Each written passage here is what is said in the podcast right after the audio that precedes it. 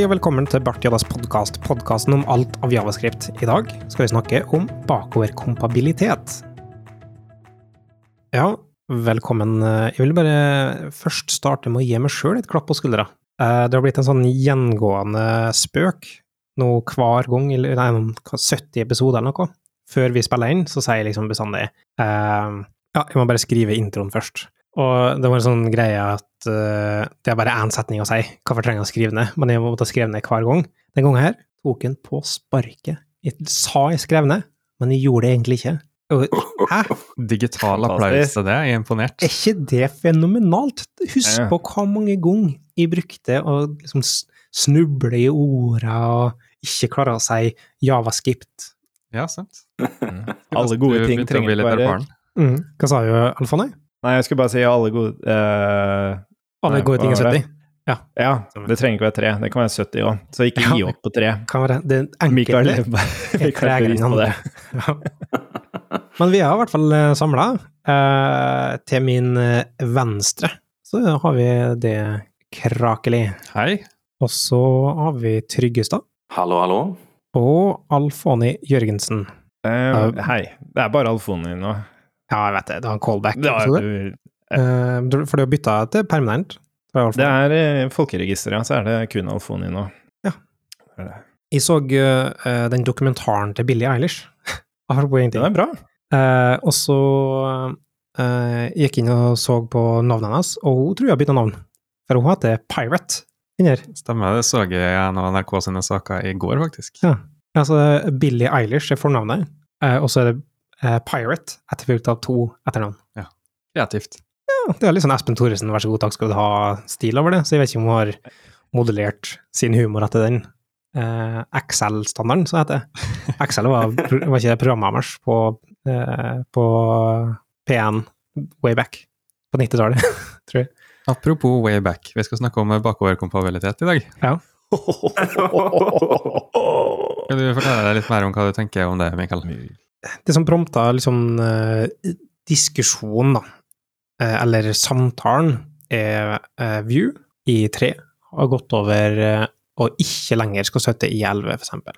Eh, I11 har vel en formell sluttdato i august i år, tror jeg, da en ikke lenger supportert fra Microsoft. Og Microsoft går vekk i sin Office 365-pakke, skal heller ikke lenger støtte Internet Explorer. Angular har gjort det samme, ingen Internet Explorer-støtte. Så vi har den evige diskusjonen, når skal vi støtte ting? Nå er det forholdsvis trygt for de fleste bruksscenarioer å gå vekk fra eh, Internet Explorer. Og så, og så må man bestandig huske at sannheten igjen er more sin egen statistikk. Eh, nasjonal statistikk kan brukes, global statistikk kan kanskje brukes, men det mest relevante er sin egen statistikk. Så ja, gitt den, eh, den eh, det grunnlaget, så tror jeg fortsatt det er interessant å snakke om hva langt strekker en seg nå i dag for å få til bakoverkompabilitet, og hva lang tid bør vi på en måte eh, kunne tenke at vi skal bare knuse på med ting. Og det er et sånn åpent spørsmål, på et vis. Og så tror jeg at vi kan ta litt sånn dialog rundt hva som håndterer vi polyfilling, hva som håndterer vi det å tilnærme oss den problemstillinga her med bakoverkompabilitet. Initielle tanker, Alfoni? Eh, nei, sånn generelt så jeg har jo alltid hatt en sånn kamp uh, mot IE11. Så jeg egentlig jeg, det, det er en stund siden jeg har vært borti det nå, så jeg ble veldig glad når jeg hører at allerede i august så skal det ikke støttes lenger. Og det har vært interessant liksom argumentene for hvorfor man må støtte det. Og, og jeg har alltid stussa på Jeg husker når Edge kom, så har jo de en IE11-kompatibel tab. Altså de kjører IE11 der. Men, det, men det er til og med ikke nok for noen, fordi de er så tett integrert med selve nettleseren. Altså ikke vinduet, browser-vinduet, men all permission-systemet rundt Internett Explorer og sånn. Uh, at det, til og med der har det stoppa opp, da. Um, men ja, nei, jeg, jeg, jeg bare valgt for ganske lenge siden å ikke gi det noe tanke. Jeg vil ikke støtte det. Jeg husker det helt tilbake med IE8 også. Det var sånn Vi kan Vi bruker så mye ekstratid. Uh, jeg husker jeg jobba for um, uh, Vi hadde NetCom som kunde, og da var det spørsmål om vi skulle støtte IE8 den gangen. Og da var argumentet mitt at eh, vet du hva, det er billigere å kjøpe en ny laptop til alle de som bruker IE8, og heller kjøre sentralbordet uh, på, på Chrome der, enn den tida dere kommer til å betale oss for å støtte IE8 og den nedgraderte opplevelsen det fører til for alle de andre brukerne. Jeg, jeg tror det er et par viktige momenter da, i det du snakker om der, at um, ok, det var et internsystem, sant, som betyr å ha kontroll på enheter. Sånn at uh, da er det enklere å snakke om den investeringa.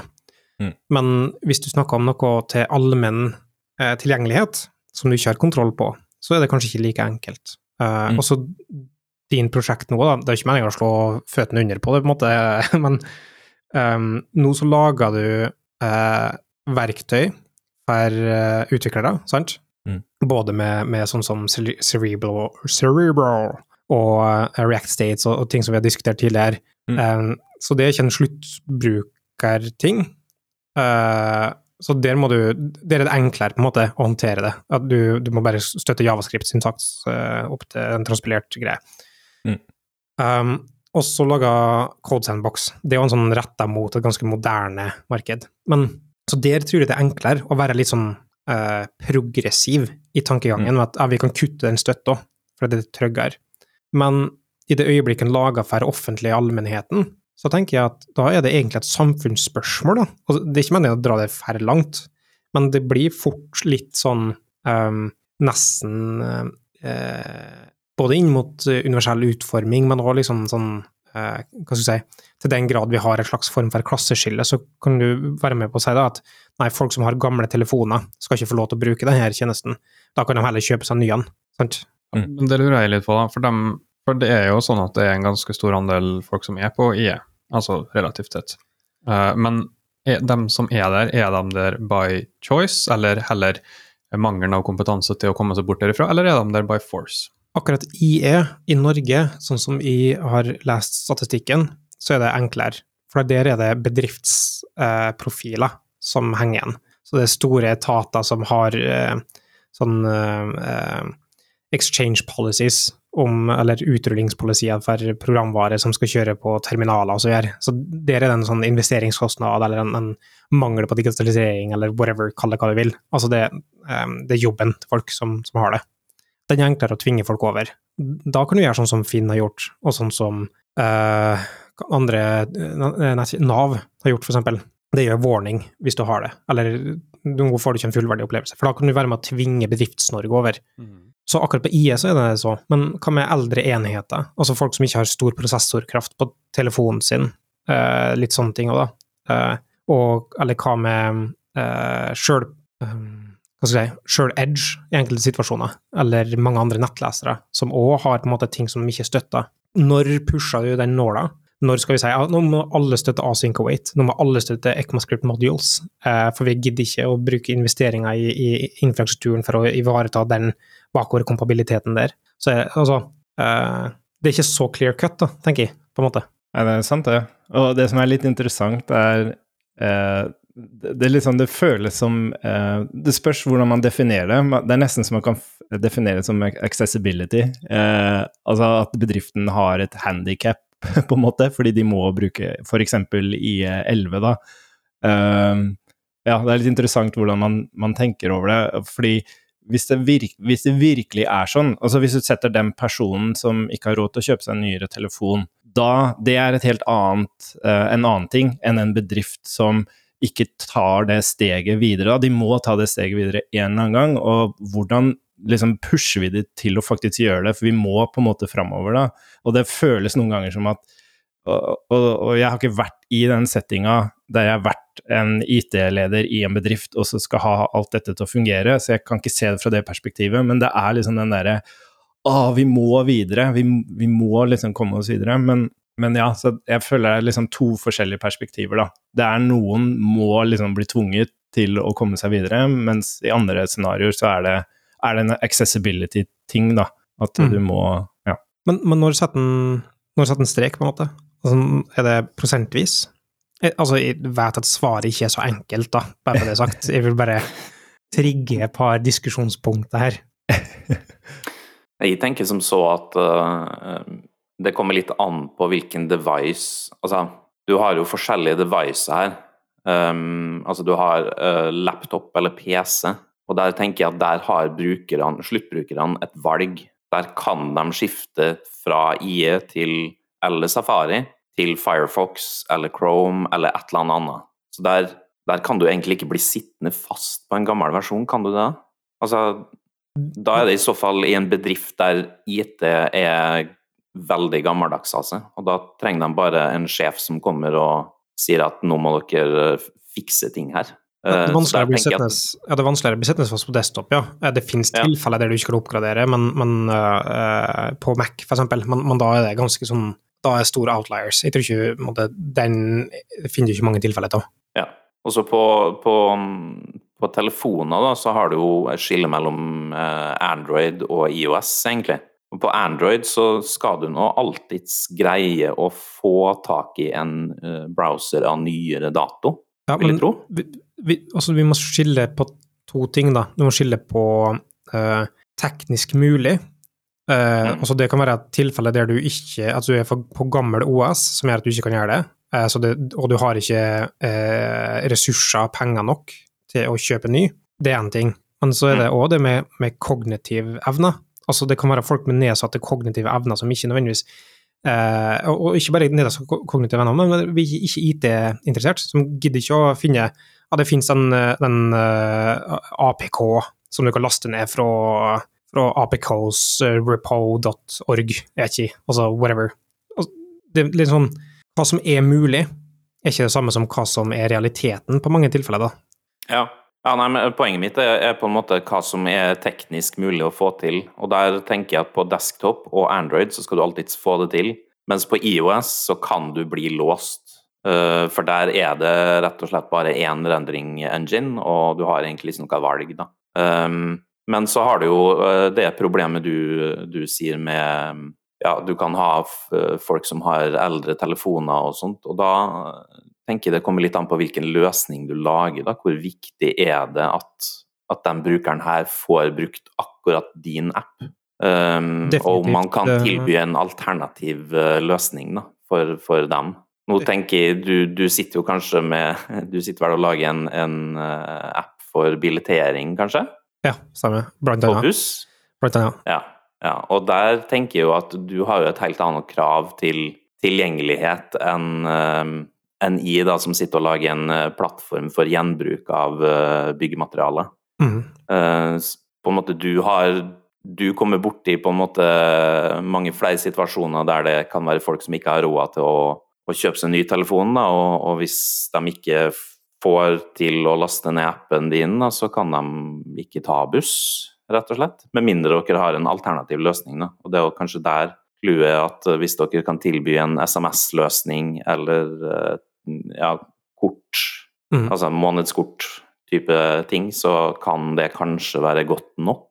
Vi, snakka jo en del her nå om, det, samfunnsansvaret man har for å tilgjengeliggjøre funksjoner, eller altså tjenester for så mange som mulig. Så på sett og vis så er jo vi sjøl ansvarlig for det ekstraarbeidet ved å sette et så høyt krav til oss sjøl til å skulle eh, tillate at folk har det tilgjengelig i, i IE. Men hvis man skal være veldig kritisk, da, eh, er det en menneskerett at alt skal være, på internett skal være tilgjengelig bakover på den måten der? hvis du tilbyr en tjeneste for offentlig virksomhet, altså offentlig allmennrett, som er blant annet for folk som lager løsninger fra si Nav, da, eller noen som har nettbanker, så er de lovpålagt til å være universelt utforma og tilgjengelig for alle. Det er jeg helt med på, og universell utforming er én ting, men inngår bakoverkompabilitet til IE11 i universell utforming? Det det der mener at det blir litt fort en samfunnsdebatt igjen, da. Eh, For at skal vi på en måte som eh, Og så skal jeg ikke dra det inn for langt, men skal vi som eh, ressurssterke folk som tjener mye penger, som er teknologiinteressert, sitte og bestemme at nei, det er ikke så viktig at den personen som har gammel telefon og ikke har penger til å utvikle det, til å, eh, til å bytte ut, skal vi si at nei, det er ikke verdt det, på en måte. Ja, men, altså, ikke har penger til å kjøpe ny telefon er jo én ting, men jeg føler ikke det toucher innom IE11-problematikken. Altså, vi vil jo eh, som oftest, eh, om ikke alltid, alltid strebe etter å lage optimaliserte løsninger sånn at de fungerer på flest mulig devices, men akkurat IE11-casen er en, en special case, føler jeg. For der har det kommet så mange andre gode alternativ som egentlig, i de største tilfellene, er tilgjengelig for alle. IE11 er på en måte Den har vi levd lenge nok med at den er nå ikke lenger et problem, for tida har gått langt nok. Mm -hmm. Men da flytta vi nåla litt, så sier vi at ja, ok, I11 eh, det er bare mest bedrifter som bruker det. Det er 0,5% støtte i Altså 0,5% bruk i, på nasjonalt nivå. Um, og så, så, da er ikke det lenger et uh, så stort problem, for nok tid har gått. Men så har du uh, ja, ok, uh, neste, da, Safari, som har mye problematisk støtte på mange nivå, og som gjør at telefoner som er fire år gamle, kan vel ikke oppgradere til nyeste IOS og eh, versjonnummerering på Safari er tilknytta IOS-nummerering, som betyr at de får ikke fiksa et par ting der. Eh, det er utrolig lett å ikke implementere noe til Safari eldre, og i hvert fall ikke ta det inn i testregimet sine og sånne ting. Så da eh, er ikke problemet lenger i 11, men da er det Safari, på en måte. Så vi vil bare Poenget er liksom at dette er ting vi må ta stilling til uavhengig av Internett Explorer. Mm. Jeg kikka på det her, her, nylig en dag, fordi um, IOS 14.1 kom med støtte for Flexbox Gap, som jeg har brukt i min løsning før det kom. uh, og så måtte jeg jo sjekke da, hvor, hvor langt tilbake støtte, støttes IOS 14. Eh, da. Og det går helt tilbake til iPhone 6S, mener jeg å huske. Og jeg tror den kom ut i 2006, omtrent. 2006, året før iPhone ja. ble introdusert? Nei, uh, what? Må jeg sjekke det opp. Ja, 6S kom vel 2016, tipper jeg. Mister Ja, 16 kanskje. Uh, går. Men, 2015. Ja, announced i 2015. Men det er mange som bruker det 6S eh, fortsatt, liksom, sant? Og så igjen Ja, 6S, men da kan de bruke Flexbox Gap. Ja. Det er dem som sitter med sekseren, bare, som sliter.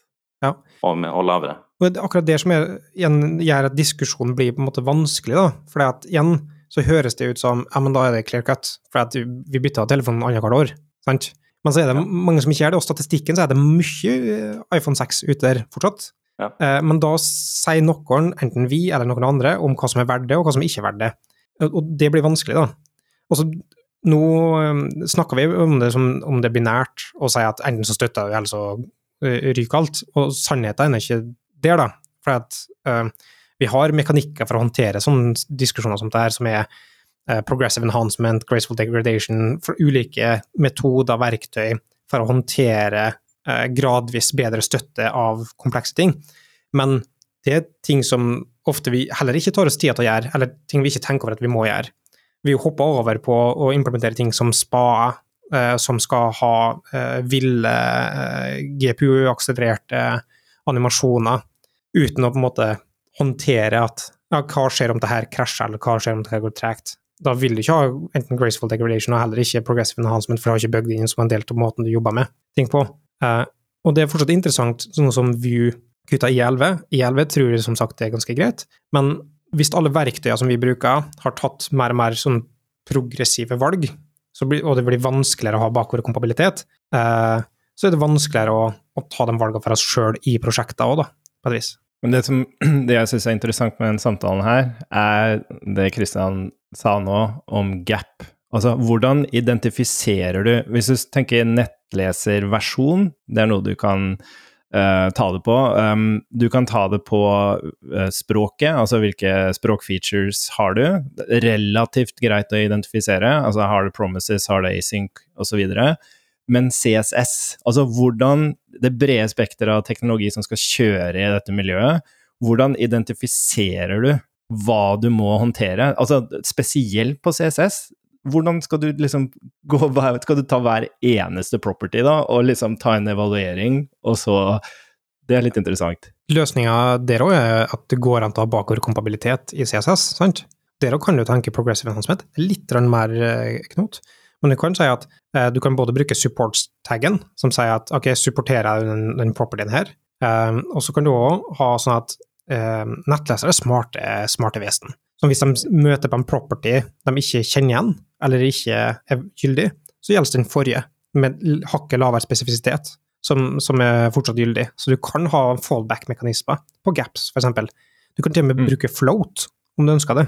Um, så, Ja, så går an. Akkurat på Flexbox Gap er litt spesiell, da, for du kan ikke sjekke det med at supports.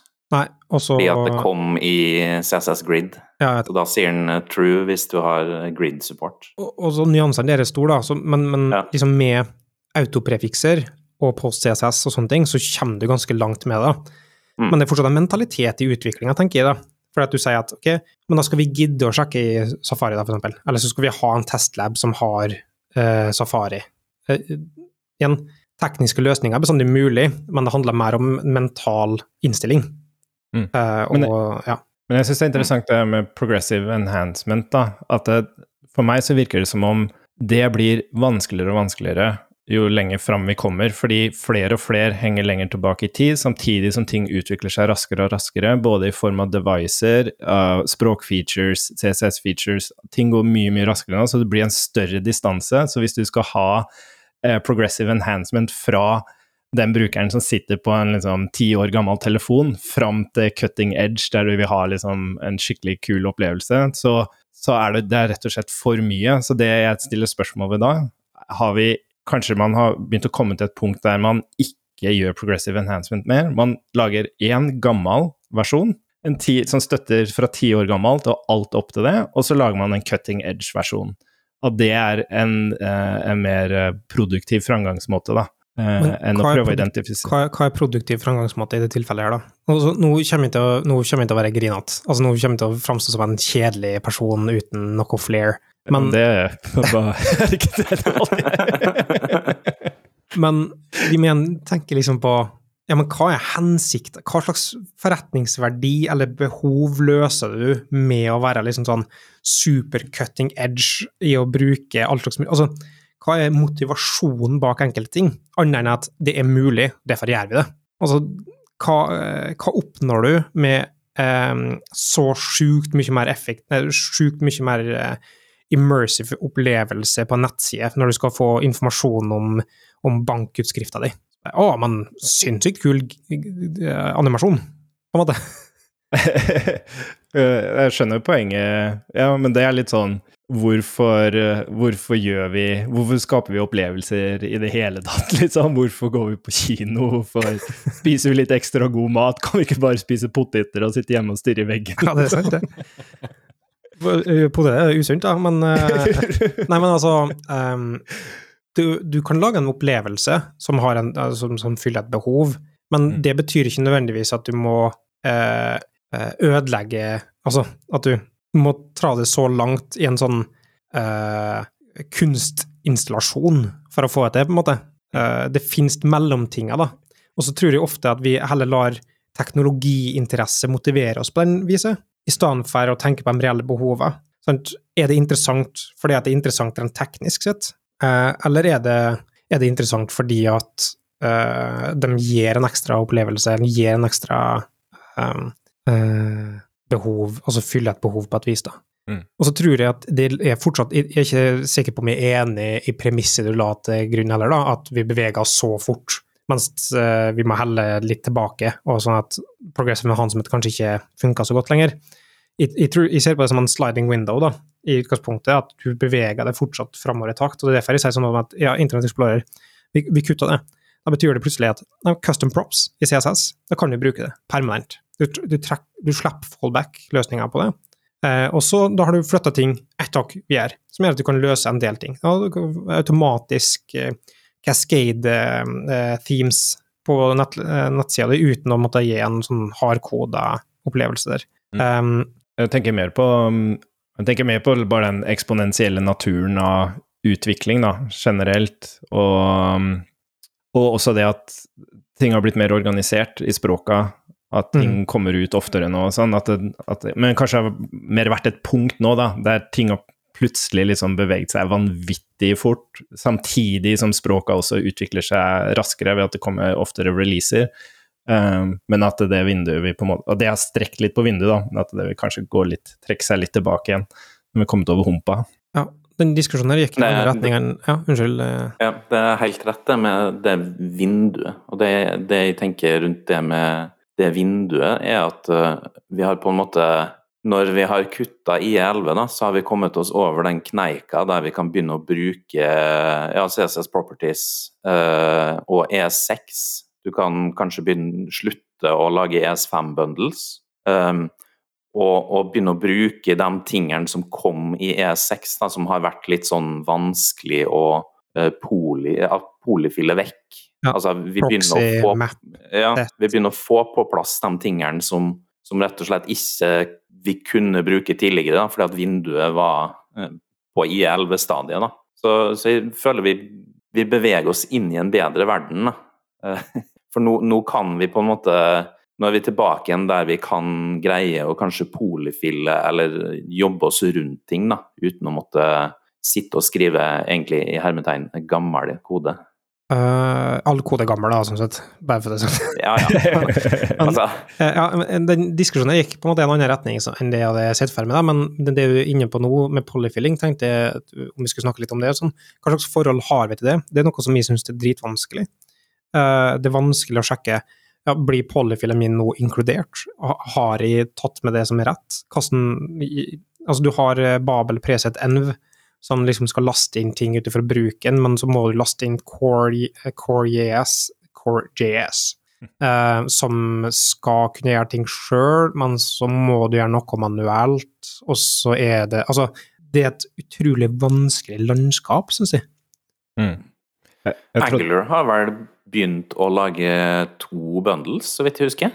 At de lager en modern bundle og så en polyfield bundle, og så greier de å laste den uh, basert på hvilken nettleser du har, da, basically. Også, så da kan du egentlig slenge på fullt av polyfills i den gamle. Da. det som er praksisen nå Det var mange plosives i mikrofonen min her nå, men uh, det som er praksisen nå, og, og best practice i, uh, fra polyfill-organet, hva er uh, VCIG, heter det? De som står for standardisering av testinga på nettlesernivå med, med features der. Um, der sier de at bundles og tredjepartsavhengigheter skal ikke komme med sine egne polyfiller. Sant? Og det er naturlig, for du vil ikke ha dobbelt om polyfiller i alle retninger. Men, mm. men, det betyr nå i praksis da at nå må du ha et forhold til at når du tar inn en avhengighet, så bruker den et eller annet som du ikke vet om at den bruker, men som du må eventuelt polyfille, eller så krasjer det i Safari. Og det kan krasje i Safari ganske moderne versjoner, for uh, du mangler en polyfill, altså. Uh, det er ikke mye som skal til der. Særlig i Promise-land, f.eks. All settled, uh, eller sånn type ting. Flat map. Uh, I det øyeblikket du bruker sånn, og så det er ikke polyfiller, så krasjer det uten at du oppdager at det krasjer, med mindre du tester på den enheten. Mm. Og da ender vi fortsatt opp med det, litt det samme svaret. Progressive enhancement, graceful degradation. Sant? Fordi vi, vi kommer til å ende opp på situasjoner der vi har glemt å polyfille noe, f.eks. Hva skjer da? Krasjer hele nettsida di? Må du, måtte, og det, det, er mange tilfeller til det, sant? Det er at vi eh, skal inn på SAS og bestille fly, og så plutselig får du ikke opp søkeresultatet, for det, og så ser du i konsollen ah, det er en javascript-feil som er inni der. Så funker ingenting. Får ikke gjort det. Ikke så problem når du skal ut og fly, for du skal ikke så mye ut og fly uansett. Eh, men når det, er, når det, er, på Nav, eller når det er på andre typer sånne tjenester der, da, da blir det et større problem. For at vi ikke tenker og tar inn bakordkompabilitet som en del av det. Men når, når, du sier progressive enhancement, mener du at det skal fungere uten javascript? Og mener du at det skal fungere på hvert nivå av polyfills fra ikke-javascript til første versjon av liksom javascript som kjører i en nettleser som er i bruk, fram til nå? Eh, og så skal den klare å legge til akkurat riktig polyfills hele veien for å kunne kjøre det er, en, det er en vurderingsgrunnlag for hver ting du skal løse, men mm. det å ha muligheten til å fallbacke på en uh, basisweb, HTML og request and response og mm. server, uh, det å kunne falle tilbake på det, og så bygger vi på kompleksitet på toppen der, da har du løst alt det du snakka om der, egentlig. Okay, nei, Hvordan vet du uh, Hvis du skal søke et skjema på SAS, da, for eksempel, fra og til, mm. um, så er det det er egentlig to input-bokser som er et skjema, som går til en post request på en server, som henter ut data basert på det søkeresultatet, og så kan du bruke. Det kan du bruke uten javascript, egentlig. Og så kan du gjøre det sånn at ja, det har du implementert der, og så legger vi opp på toppen. Men det er vanskelig med enkelte typer teknologier, og sånn som single page application, så det å løse alt på klienten, det gjør det vanskeligere. For da, i det øyeblikket du krasjer en ting der, så er alt krasja. Men derfor jeg mener jeg at serversiderendra ting fortsatt må være på plass. da. Og derfor er også Mm. sånne ting som plattformer som ikke støtter serversiderendring, og plattformer som ikke lar det eh, gjøre sånn type progressive enhancement på en god måte. Eh, du må tenke godt om, og du må tenke virkelig på bruksscenarioet, og hva du får, før du på en måte går til det steget, da. Men eh, det er skjema.